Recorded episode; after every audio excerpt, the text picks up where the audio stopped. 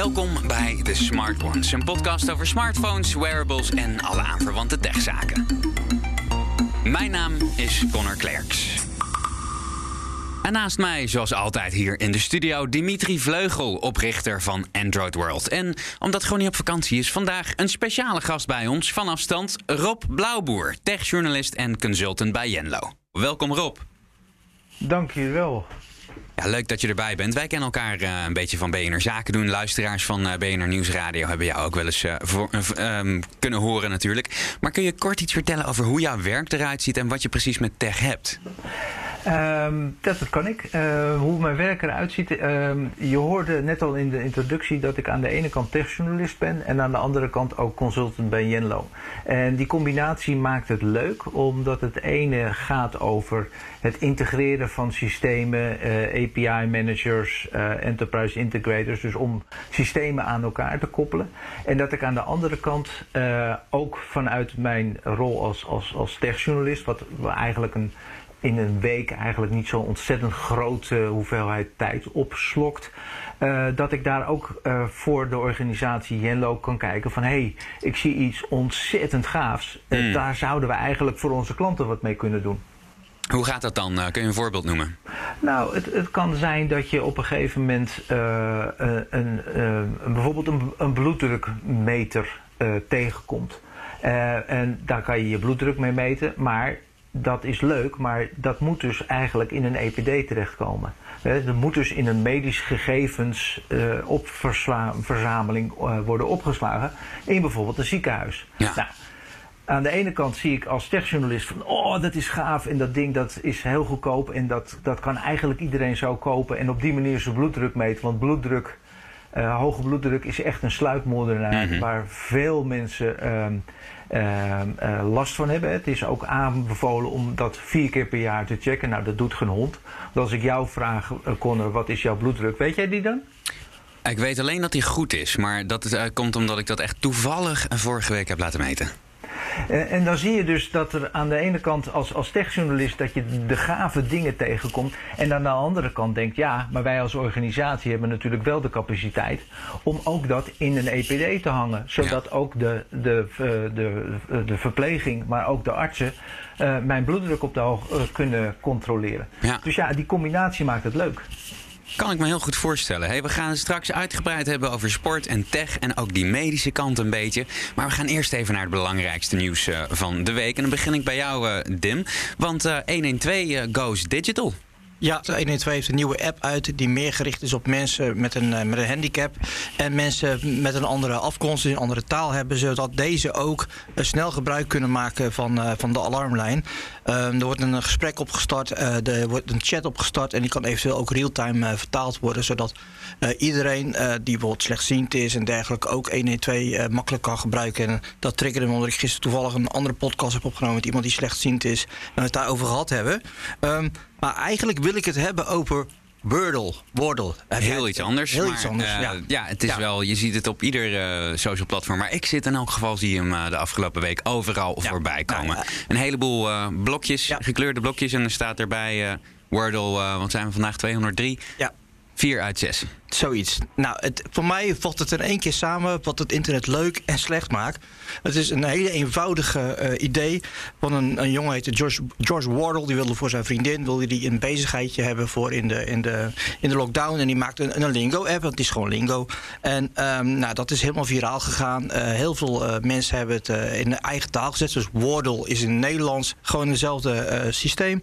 Ehm, maar er zijn ook heel veel copycats opgedoken. En Um, ja, dat is aan de ene kant logisch en het mooie van internet dat je alles kunt maken. Het is ook eigenlijk wel toegestaan volgens mij, want er zit geen copyright op, uh, op het woord en er zit geen, uh, het is gewoon lingo. Het is eigenlijk wat Wordle doet, is ook al een copycat.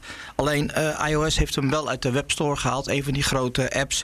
En diegene die dat gemaakt had, die heeft ook zijn excuses aangeboden. Die, Mm. Achteraf heeft hij daar heel veel spijt van, want hij ging compleet viraal. Zijn app ging ook al gelijk geld verdienen. Alleen, um, ja, toch heeft hij hem eruit gehaald. Hij heeft zelfs ook gebeld met de originele maker uh, van, uh, van dit spel en zijn excuses aangeboden. En aangeboden om samen te werken aan een app waar er geld mee verdiend kan worden. Maar die jongen wil dat per se gewoon niet. Hmm. En ik word daar wel een beetje blij van. Ik Ja, vind dat mooi. leuk. Ja. Ja, het is zonde. Sorry voor iedereen op Twitter die mij volgt, die continu die blokjes ziet. Nou, ik ga er ook niet mee stoppen. Ik doe het gewoon. Dus, uh, Jij blijft gewoon stug doorzetten. Ja, ik blijf gewoon stug doorzetten. Ja, ik, ik zet ze nooit op Twitter. Nee, maar ik, zo ben ik. Alright. Uh, Rob, jij komt net terug uh, van CES in Las Vegas. Nou hebben we het hier vorige week gehad over de leegte. Maar uh, jij was daar daadwerkelijk. Hoeveel mensen waren er nu? Er waren 45.000 mensen en dat is ongeveer een kwart van wat er normaal is. En het was heerlijk. Ja. Want als je ooit in Las Vegas bent geweest in januari tijdens CES, dan sta je echt werkelijk overal voor in de rij. Je staat in de rij voor de bus, om in de bus te komen. Dan staat de bus in de rij uh, in de file om van het ene uh, um, hal naar de andere te rijden. Uh, waardoor je eigenlijk normaal beter gewoon kunt gaan lopen. Het is maar anderhalve kilometer. En nu was het gewoon, je kon overal doorlopen. Er waren, geen, er waren eigenlijk geen rijen. De enige rij die ik zag, behalve voor de bus, was bij Satisfyer. Dat is een, uh, een bedrijf, een Duits bedrijf op het gebied van sexual wellness. En die, um, die deelde speeltjes uit. Oh ja, um, oh, tuurlijk. dan moet je daar dan, dan, heb je daar waarschijnlijk wel een beeld van. En daar stond inderdaad een rij, maar ja, weet je, die was ook te overzien. Ja, Satisfyer trouwens, als je op TikTok zit, kon je Satisfyer overal tegen. Echt overal. Ja, in de echte wereld uh, zie ik hem ook wel eens voorbij uh, komen. um, waren er veel buitenlandse journalisten eigenlijk, Rob? Nou, ik heb bijna geen uh, andere Nederlanders gezien. Behalve natuurlijk uh, wel Nederlanders die daar zijn. Hè, met, met, uh, met RVO. Was, waren er, um, in totaal waren er 70 Nederlandse bedrijven, waarvan 50 start-ups en 20 scale-ups zouden daar zijn. Maar qua journalisten eigenlijk niet. Zelfs mijn, de mensen die je ieder jaar tegenkomt, want ik kom er al een jaar of 15, die waren er niet. Er waren wel heel veel Aziatische journalisten. Dat, uh, dat viel dan wel op. Oh ja, die kwamen dan wel. Wat, uh, wat maakte deze beurs nu, uh, nu anders? Want ik kan me voorstellen dat het echt een hele andere ervaring is. Je zegt er zijn minder journalisten, er zijn überhaupt minder bezoekers. Er waren ook een aantal grote merken die hadden afgezegd. Nou, en het was zeker een andere beleving, maar het was ook balsem voor de ziel. CES, als je, als je daarvan houdt, en daar, kunnen we vanuit gaan dat ik dat echt doe, dan is het zo ontzettend lekker om weer daar in Las Vegas te zijn en met allerlei bedrijven te praten over uh, uh, hun producten, hoe briljant of hoe, hoe banaal ze ook zijn. Wat dat betreft was het gewoon weer, het was een feestje, maar het was een heel ander feestje, want bijvoorbeeld LG had um, wel een stand. Het was geen lege vlakte. Maar het enige wat er stond was, waren kleine rechthoekige ja, zeg maar zitjes eh, met, met een QR-code. En dan kon je kijken wat, wat, wat ze aan het doen waren. Er waren grote leegtes. Er was bijvoorbeeld de South Hall. Nou, dat is echt een, een, uh, ongeveer een, een kwart, uh, of een grote rijhal. Die was gewoon helemaal dicht. Daar zat ja. gewoon helemaal niks in. Hm. En ik heb de grote heb ik niet gemist. In de Mm. zekere zin. Want Microsoft heeft natuurlijk gewoon ook zijn eigen kanalen om uh, de mensen te bereiken. Google heeft zijn eigen uh, uh, kanalen. BMW was wel aanwezig met die hele gave Ja. auto die van kleur kon veranderen. Ehm, en het was dus een combinatie van eh, niet missen eh, en ook eh, wat, wat ik van de Nederlandse start-ups heb gehoord, was dat ze gewoon zeiden van ja, maar we hebben gewoon nog steeds goede gesprekken met mensen. En het lijkt wel alsof zeg maar het kaf en het koren gescheiden waren en dat we nu eigenlijk gewoon de mensen hebben uh, die we daar, um, uh, die we eigenlijk zouden willen spreken. En sommige mensen, sommige start-ups zijn al meerdere keren meegegaan.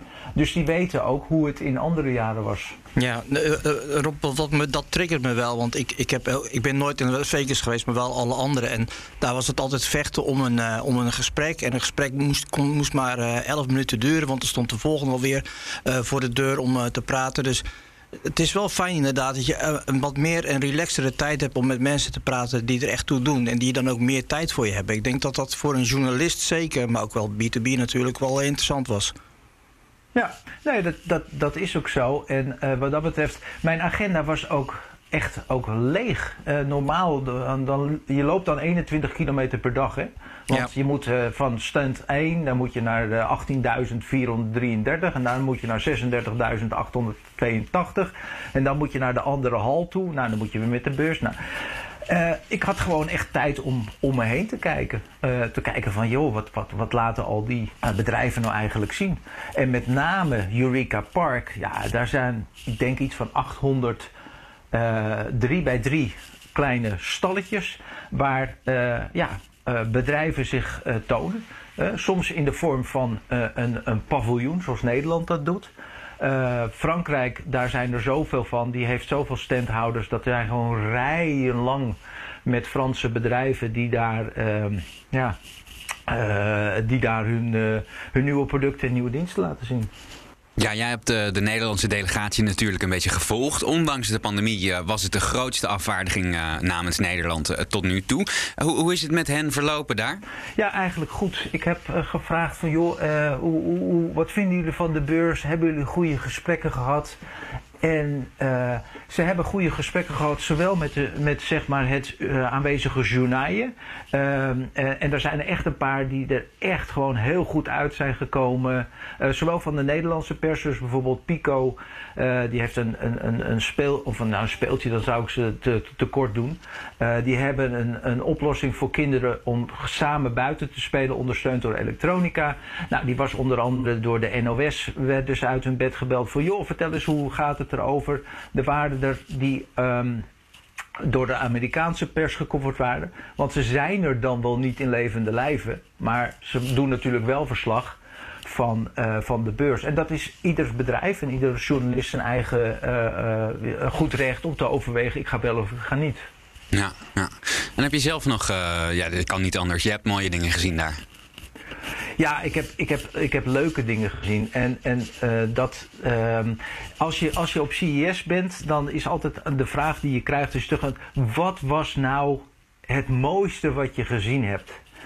En dan, ja, weet je, ieder jaar is dat, is dat best een moeilijke vraag om te beantwoorden. Want innovatie, uh, zeker op zo'n beurs als dit, is incrementeel. Dat wil zeggen dat bijvoorbeeld bij de uh, tv-makers uh, ieder jaar zijn is het zwart nog zwarter en de kleuren zijn nog helderder. Ja. Nou, dat kan je volgend jaar kan je dat weer zeggen. Ja, ja, ja. Dus daar zie je niet dat daar heel veel groei in zit. Um, nee, ja, totdat je ze vergelijkt met, met de modellen van tien jaar geleden natuurlijk. Dan zie je dat er een, een, een wereld gewonnen is, bij wijze van spreken. Uh, dan zie je allerlei dingen. Uh, dan zie je dat er een wereld gewonnen is. Dat er een aantal dingen zijn geprobeerd, zoals bijvoorbeeld 3D-TV. Uh, wat jaren geleden, nou dat werd het. Iedereen zou 3D-tv gaan kijken. Ja, en ze zouden porno in 3D krijgen. En tennis in 3D. En de wereld draait door in 3D. Nou, we weten hoe het is afgelopen. 3D is iets wat eigenlijk nou niet meer wordt genoemd. Het wordt niet meer gepusht. Uh, er is vrij weinig content voor. Alleen in de bioscoop zie je dat uh, nog wel spelen. Ja, ja, maar ik geef geen antwoord op je vraag natuurlijk. wat is nou het mooiste? En ik denk dat dat toch uh, de autonome tractor is van John Deere. John Deere. Oh, een echte John Deere. Mooi. Een echte John Deere oh. van een, uh, die autonoom, uh, zonder dat er iemand op de, in de cabine zit, het land kan ploegen. Waardoor de, waardoor de boer zich met andere dingen bezig kan houden. Daar bedoel ik niet mee de boerin, maar andere zakelijke dingen. Ja, want uh, ja, op, op, zich autonoom rijdende uh, personenauto's, dan, dan zou je denken, een, tractor moet ook wel kunnen. En daar kun je ook nog waarschijnlijk minder verkeersslachtoffers mee maken. Um, John Deere, is dat een beetje een uitschieter op zo'n beurs of, of zijn zij er vaker? Uh, wat, je, wat je ziet in de afgelopen jaren is dat uh, de automotive CES ook heel duidelijk heeft ont, ontdekt. En dat er ook uh, in dit geval ook heel veel spelers van die, op die markt aanwezig zijn. Hyundai was er onder andere met, met hun innovaties. Die hebben natuurlijk Boston Dynamics overgenomen. En die kwamen met een, ja, toch een redelijk forward-looking verhaal over uh, mobiliteit. Ja, dat zijn natuurlijk prachtige visies uh, waarvan we ja, in de toekomst zullen zien hoe die het gaan uitdoen. Ja. Uh, Mercedes is uh, vaak aanwezig. Nissan is uh, een aantal jaren geweest. Maar wat je nu ook ziet is dat er heel veel spelers op het gebied van autonome vehicles zijn. En natuurlijk Snap, Qualcomm met, met Snapdragon. Die, die ook niet stil zit met hun chipset. Hè? Ja. Ja, want, want CES is, is inderdaad veel meer op automotive, televisies en dergelijke, beetje grote tech uh, zijn ze zich gaan concentreren. Of dat is uh, organisch zo gegroeid. Terwijl je in, in, in, in bijvoorbeeld in Barcelona zie je meer de smartphones en, en alle andere soorten verbindingen. Heb je daar op dat gebied ook nog iets goeds gezien? bijvoorbeeld vouwbare schermen, oprolbare schermen? Nee, wat dat betreft niet. Het kan zijn dat het, uh, dat het niet in mijn uh, blikveld was. Want uh, de laatste jaren heeft CES het aantal onderwerpen wat we mogen aangeven als journalist, waar je op door de standhouders over gemaild wordt, teruggebracht naar vijf. Dus ja, je moet op een gegeven moment vijf onderwerpen kiezen. Die, die je wil volgen en waar je mailtjes over wil krijgen. Ja, dan mis je natuurlijk die andere 35 onderwerpen die er ook nog zijn. Want CES is ook smart cities. Uh, het is ook 3D. Eh, met name dat laatste. Uh, ja, er is 3D. Het waren in de taal drie standhouders die daar enigszins verloren stonden. Zo, en bijvoorbeeld Ultimaker, die er in het verleden wel stond, die stond er niet. Dus CES is een Zwitsers zakmes. Heel veel functionaliteit. Maar als, uh, wat je ook terecht zelf zegt, als je iets met mobile wil doen, ja, Mobile World Congress, hè, ja. dat, dat, is het. Ja. Uh, smart cities, ja. uh, daar zullen ook wel specifieke dingen voor zijn. Nou, je, je noemt allemaal hele mooie, de John Deere tractor, autonoom rijden, allemaal grote tech en zo. Maar er is, je komt altijd wel iets tegen wat eigenlijk totaal niet nuttig is, maar wel onwijs kick om te hebben, een gadget of zoiets. Heb je ook zoiets tegengekomen? Nou, uh, ik weet niet of ik het wil hebben, maar het was in ieder geval iets wat mijn, uh, wat mijn uh, aandacht trok. het was een Oostenrijks bedrijf die op de Amerikaanse markt een applicatie heeft ontwikkeld. waarbij je door middel van dat apparaat kunt doen of er mensen door je kamer heen lopen. ze hebben dan een aantal LED's en dan schakelen ze een van die LED's schakelen ze uit. En die laten ze dan uh, van links naar rechts lopen. Het zijn dus een aantal van die leds achter elkaar. Waardoor het lijkt alsof er iemand door de kamer loopt. Als je dan die, die schaduw uh, ziet lopen. Ja, weet je, dat zijn de, de, de, de, ja, de grappige dingen. Ja, toch mooi. Rob, we hebben je naast uh, CES ook uitgenodigd om te praten over uh, sport en tech. Want op het gebied van smartphones en zeker wearables is daar natuurlijk ook van alles uh, in beweging. Ik dacht, we, we pakken een paar dingen uit. Maar laten we eens beginnen. Je was op de grootste consumententech-beurs. Als we nou kijken naar sport, hè, welke, welke rol speelt consumententech op dit moment in de topsport? Ik, ik denk dat topsport een kwestie is van talent, van trainen en van technologie. Uh, en, en, die combinatie, die zie je in toenemende mate dat die het verschil maakt. Talent moet je natuurlijk hebben. Ik bedoel, ik kan, ik kan aardig hardlopen, maar zet mij naast Steve van Hassan of welke andere Olympische topsporter en ik zie ze drie seconden en daarna zijn zij ja, ja. of aan het einde van de baan of ze hebben al bijna een half rondje gedaan. Dan is het daarnaast is het gewoon ook trainen. Gewoon ook echt de kilometers maken en de training doen uh, om het te doen. En in toenemende mate zie je daar ook technologie bij. En dat mag je eigenlijk ook uh, met, met voeding erbij uh, doen. Om te zeggen van hoe haal ik nou bijvoorbeeld bij een sprinter als, als, als de dames van, van de Olympische ploeg, maar ook Daphne Schippers. Hoe haal ik nou nog een paar seconden of een paar milliseconden van mijn start af. Hoe kan ik, et cetera, et cetera, et cetera. Ja, en daar, daar speelt technologie speelt daar een hele grote, uh, hele grote rol in. En ja, daar wordt ook echt gewoon zwaar op ingezet. Ja, wat ik ook wel interessant vind is dat uh, de sporttech het voor de kijker en volger ook wel interessant te maken. Want je ziet steeds vaker bij grote voetbalwedstrijden zie je statistieken. Die komen dan of van op dat John, maar volgens mij genereren ze die ook op het veld. En je ziet ook in de Eredivisie ook dat elke speler zo'n kastje op zijn rug heeft. Waarmee zijn bewegingen en dergelijke worden getrekt. Waardoor je als, als kijker ook wat meer uh, inzicht krijgt in de, in de prestatie die wordt ge, geleverd. En wat, waar ik dan een beetje aan denk, misschien kun jij daar wat over zeggen, is van misschien kunnen we straks ook wel zien hoe het gezondheidsmatig met die, uh, met die sporten gaat. Want als uh, het weer eentje naar de grond gaat en net doet of hij een moordafslag heeft gehad, of hij wel echt pijn heeft, denk je dat dat ooit gaat gebeuren? Ja. Nou, kijk, al, op het moment dat je met gezondheidsdata aan de slag gaat, dan uh, gaan er bij sommige mensen gaan er gelijk een aantal rode vlaggen omhoog. omdat het persoonlijke data is. dus ik zie niet heel gauw dat we uh, bijvoorbeeld van een bepaalde voetballer zijn temperatuur van zijn lichaam bijvoorbeeld zouden kunnen zien. Voor wat betreft, uh, zeg maar bij de, in de eredivisie, een aantal jaren geleden hadden we ook een start-up die ook met ons Nederlandse delegatie naar Amerika ging. En die heeft dat soort apparaatjes om zeg maar de beweging van de, van de spelertjes te volgen. Ook kan je dat gewoon doen in het, de jongens onder 13 team 1. Want zo duur zijn die sensoren ook niet meer. Dus ook mm. als jij als trainer van een lokaal voetbalteam of het, het team van je kind die informatie zou willen hebben als, als, als goede datafetischist, lijkt me dat gewoon geweldig. weet je, dan kan je dat ook doen. Dus het is niet alleen. Het is niet alleen de topsport, maar je ziet ook dat bijvoorbeeld uh, in de amateursport dat kan uh, doen. Ja, en bij hardlopers is natuurlijk het hebben van een horloge. Ja, dat is al bijna een, een, een, een, een noodzaak om in ieder geval serieus genomen te worden. Ja, zonder Strava doe je niet meer mee, toch? Nee, en uh, als ik mijn horloge niet om heb, dan heb ik ook niet het gevoel dat ik gelopen heb. ja, zo zo erg is het ook. Ja, ja, ja. Je ziet trouwens wel dat uh, wearables is een tijdje weg geweest. Maar uh, ik, ik, ik, zie wel op Android World dat er steeds meer ehm, belangstelling voor is. Ik kijk even naar de pols van, van Colin. Colin nou, dom horloge. Nou, gewoon een dom, dom horloge. ik heb een Notsim horloge. Je ziet wel dat, dat de merken als Garmin steeds meer stappen maken in een soort crossover tussen intelligente smartwatches, maar ook de sporthorloge. Ja, nou en, en wat dat betreft uh, zijn ook dat soort leveranciers, uh, die staan in, in de goede jaren ook op bijvoorbeeld een beurs als, als CES. Niet allemaal trouwens. Polar heb ik daar nog nooit gezien. die, die, blijkbaar vinden zij het niet nodig om daar te staan.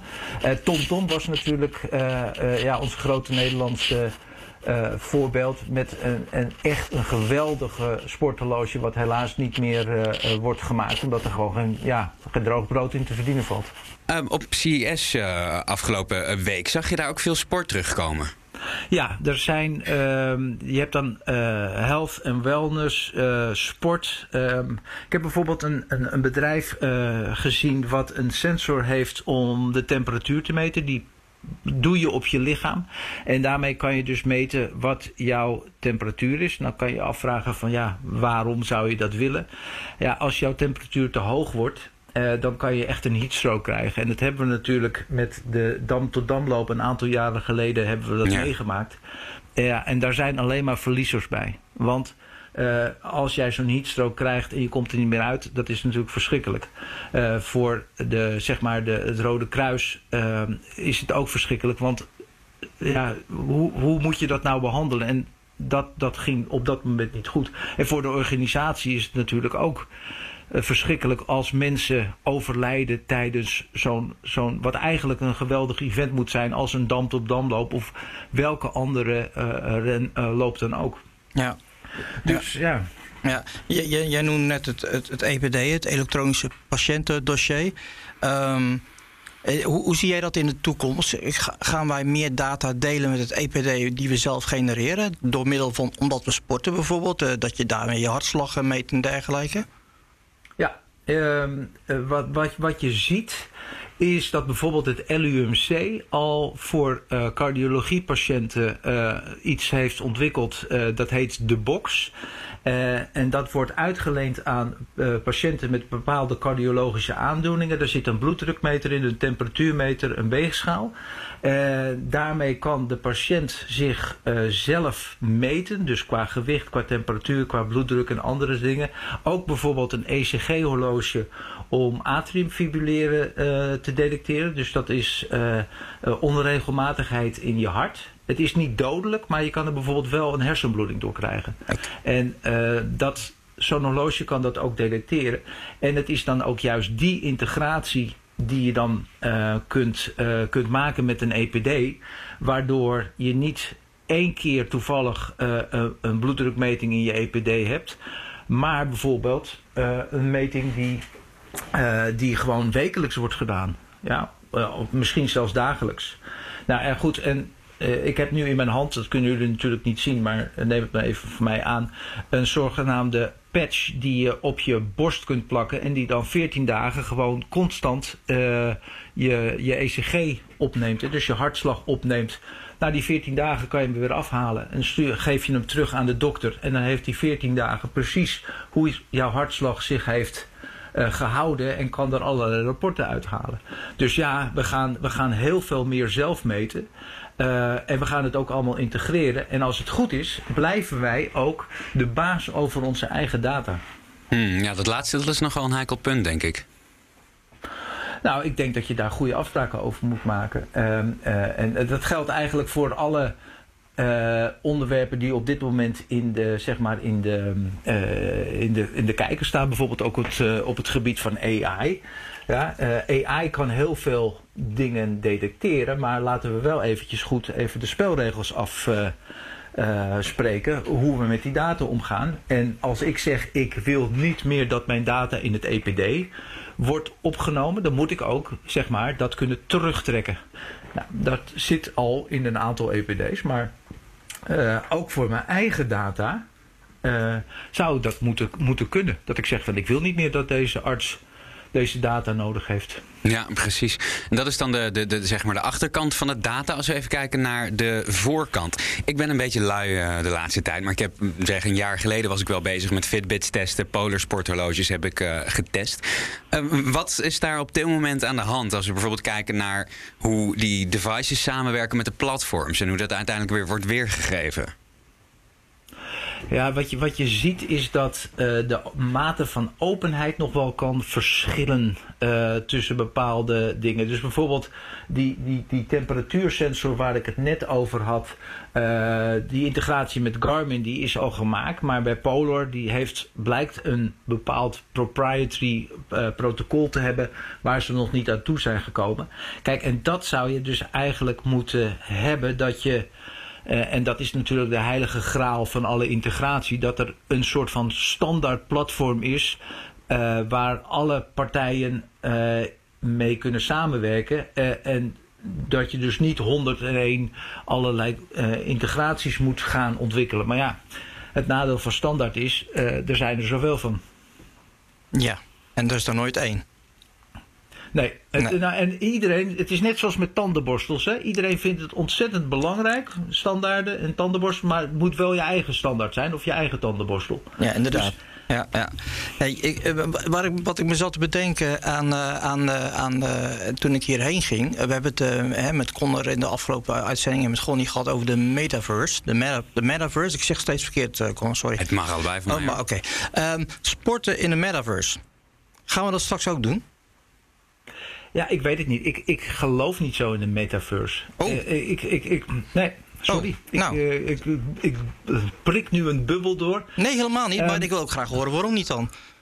Nou, um, het, het, het, is een beetje. Het is hetzelfde. Wat, wat ik met de meter. Wat ik er tegen heb, is dat het. Um, toen wij op een gegeven moment uh, online dienstverlening, toen dat uh, al, al, een tijdje gebruikt werd, kwam op een gegeven moment cloud op. En wat je toen zag was dat opeens uh, je data niet meer online werd opgeslagen, maar het werd in de cloud opgeslagen.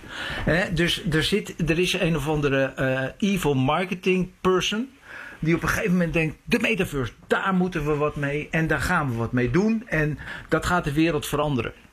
Nou ja, goed, weet je, ehm, als je uh, al een jaartje of uh, 25 in deze business rondloopt, dan weet je wel dat de soep niet zo heet gegeten wordt als dat die wordt opgediend. En dat ik iedere keer denk van ja, maar wij hadden toch, en dan moet ik altijd even denken of het Second Life of Second Love is. Second, second Life. life. Uh, second, uh, second Life hadden we toch al, uh, nou wat zal het zijn, 20 jaar geleden. Ja. En in hoeverre is dat, is dat anders? En echt. Las Vegas is heel bijzonder. Hè? Even een anekdote tussendoor.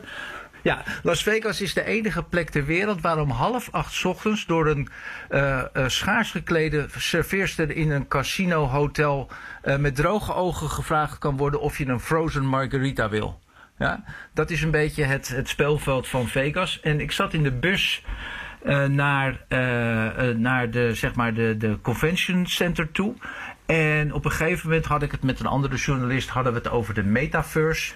En de buschauffeur die ons reed, die had twee flipphones. Hij had de ene die uh, in de lengte en eentje in de, uh, in de dus zeg maar de eentje die dubbelfout en de eentje die platfout. Ja. Die had hij. Dat, dat vond ik al vreemd dat iemand twee van die toch redelijk dure dingen had. En toen op een gegeven moment zei die man: The metaverse is already here. I used to work at Facebook. En dat, dan kom je in een soort van surrealistische wereld. Dat je denkt van. Zou die man nou echt gesjeest zijn bij, bij Facebook, daaraan gewerkt hebben? Want hij miste totaal zijn afslag, had geen idee waar hij naartoe aan het rijden was. en hij had twee van die flipphones. En ik denk van, wat, wat is dit voor een... Uh, uh, wat is dit voor een wereld waar ik nu in uh, terecht ben gekomen? Maar ik heb het maar even zo gelaten. Maar ik, de metaverse, ik weet niet of ik erin geloof. Kijk, als je even kijkt naar wat uh, Nintendo al jaren doet. Ja, sporten kan je natuurlijk ook op je Nintendo. Is dat de metaverse? Ja. ja het is maar hoe, ja. hoe ver je het zou willen oprekken. Nou, ik vind een goed voorbeeld wel die Swift, die rollenbank voor die fietsen. Waar je, waar je eigenlijk gewoon voor je neus ziet en ook andere mensen ziet. En daarmee een parcours aflegt. En waar zeg maar, de zwaarte van het parcours ook gewoon op de rollenbank wordt, uh, wordt, wordt neergezet. Misschien is het iets meer richting AI. Maar ja, ik vind, ik vind het wel een mooi voorbeeld van hoe het kan zijn. Ja, ja, en een van de start-ups die helaas niet meeging naar Amerika was True Kinetics. Uit, uh, volgens mij zitten zij in Hillegom. Die hebben zo'n hele fiets ontwikkeld om dus gewoon thuis te kunnen fietsen met uh, aanpasbare weerstanden en zo. Ja, weet je, je ziet dat dat steeds meer uh, opkomt. En mijn buurman heeft zo'n apparaat en als hij aan het fietsen is, dan hoor je in, in ons huis hoor je. dus het is, het is ook super populair. En ja. het kost een hoop geld trouwens. Ja, dat ook. Ja. Maar dat is met alle nieuwe tech. Hè? Als, het, als het nieuw is en leuk, dan kost dat veel geld. Ja, nou ja, goed. Um, er zijn mensen die vinden het leuk. Ik hou ervan om gewoon een rondje ringvaart te rijden. Uh, uh, want dan zie je ook nog wat van de wereld. Maar je kan ook inderdaad met Swift of een andere uh, applicatie... kan je ja, tegen anderen fietsen. Of alleen. Hey Rob, we zitten een beetje door de tijd heen al. Uh, het is heel vlug gegaan. Um, ik zou je in elk geval wel heel erg willen bedanken. En uh, voor de mensen die thuis luisteren, zou ik ook graag willen zeggen: Vind je dit nou een fijne podcast? Deel hem dan uh, vooral met je vrienden. En dan zeggen wij tot volgende week. Doei.